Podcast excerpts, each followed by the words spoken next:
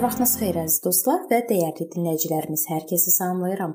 Mənim adım Sona və sizi Allahla 5 adlı podkastımızdan xoş gördüm. Bu gün mən sizinlə müjdənin ilk dövrlərdə yayılması barədə danışmaq istəyirəm. Gəlin eramızın 30-undan 100-cü illərə qədər əhatə edən zamana baxaq. İsa öz şagirdlərinə aydın tapşırıq verdi. Göydə və yer üzündə bütün səlahiyyət mənə verilmişdi. Beləliklə gedin, bütün millətləri mənim şagirdim edin. Onları Ata, Oğul və Müqəddəs Ruh adı ilə vəftiz edin. Sizə əmr etdiyim hər şeyə riayət etməyi onlara öyrədin. Budur, mən dövrün sonuna qədər hər gün sizinləyəm. Bu Mattan müjdəsi 28-ci fəsil 18-dən 20-ci ayəyə qədər yazılıb. Və Həvarilərin işləri 1:8-də də qeyd olunur.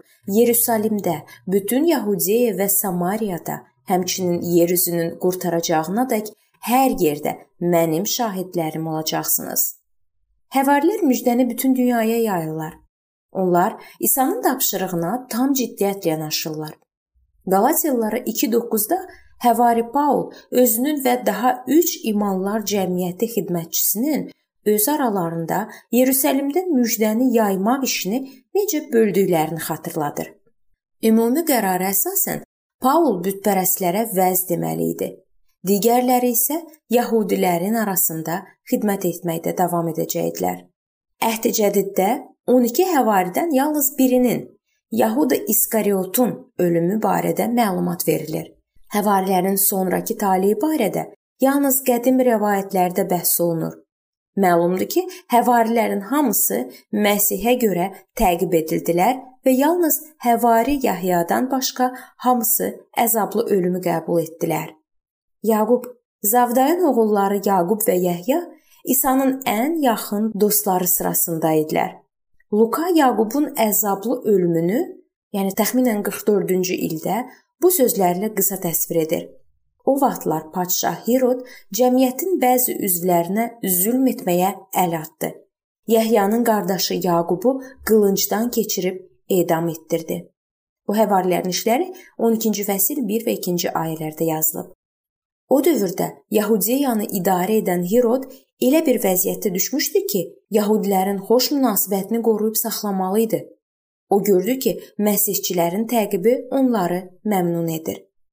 Qədim rivayətlərdən digər həvarilərin sonrakı taleyi barədə bunlar məlumdur. Filip çox ola bilsin ki, müjdəni Suriya və Asiyada vəz edirdi və orada bir sıra imanlılar cəmiyyəti qurmuşdu.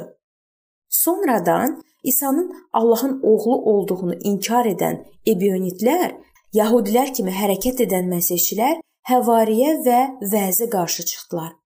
Təxminən 54-cü ildə onlar Filipi öldürdülər. Cəlladlar onu boynundan dirəyə bağlayıb ölənədək daşqalaq etdilər. Halfay oğlu Yaqub, Salih Yaqub kimi tanınan Həvari Yerusəlimdə yaşayırdı. Belə görünür ki, yəhudilərin ona xüsusi nifrəti vardı. 63-cü ildə Pasxa bayramı zamanı yəhudilər onu tutub məbədin damına və ya qülləsinə qaldırdılar. Onların İsa Məsihi inkar etmək barədə tələbini yerinə yetirmədiyinə görə onu damdan yerə atdılar. Lakin damdan yıxılsa da ölmədi. Onda onu daşqalaq etməyə başladılar. Lakin bundan sonra da sağ qalıb ona əzab verənlər üçün dua etməyə başladı. Bu zaman Yahudilərdən biri ondan əl çəkmək qərarına gəldi, amma başqa biri yaxınlaşıb onu ağac parçası ilə qətlə yetirdi. Peter bir müddət Yerusəlimdə imanlar cəmiyyətinin başında dayandı. Amma bir müddət sonra Romada peyda oldu Orada 60-cı illərin ortalarında imperator Neronun məsihçiləri təqib etməsi zamanı çarmıxa çəkildi. Özünü Rəbb İsa'nın öldürüldüyü kimi ölümə layiq bilməyərək cəlladlardan onu çarmıxda başayaq asmalarını xahiş etdi. Digər şəxslər barədə biz növbəti görüşümüzdə araşdırmağa davam eləyəcəyik.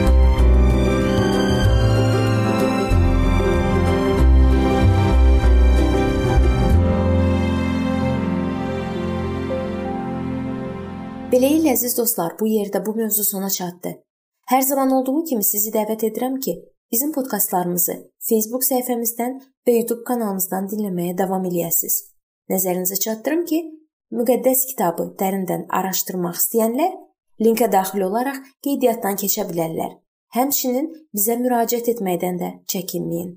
İndi isə mən sizinlə sağollaşıram və növbəti görüşlərdə görmək ümidi ilə sağ olun, salamat qalın.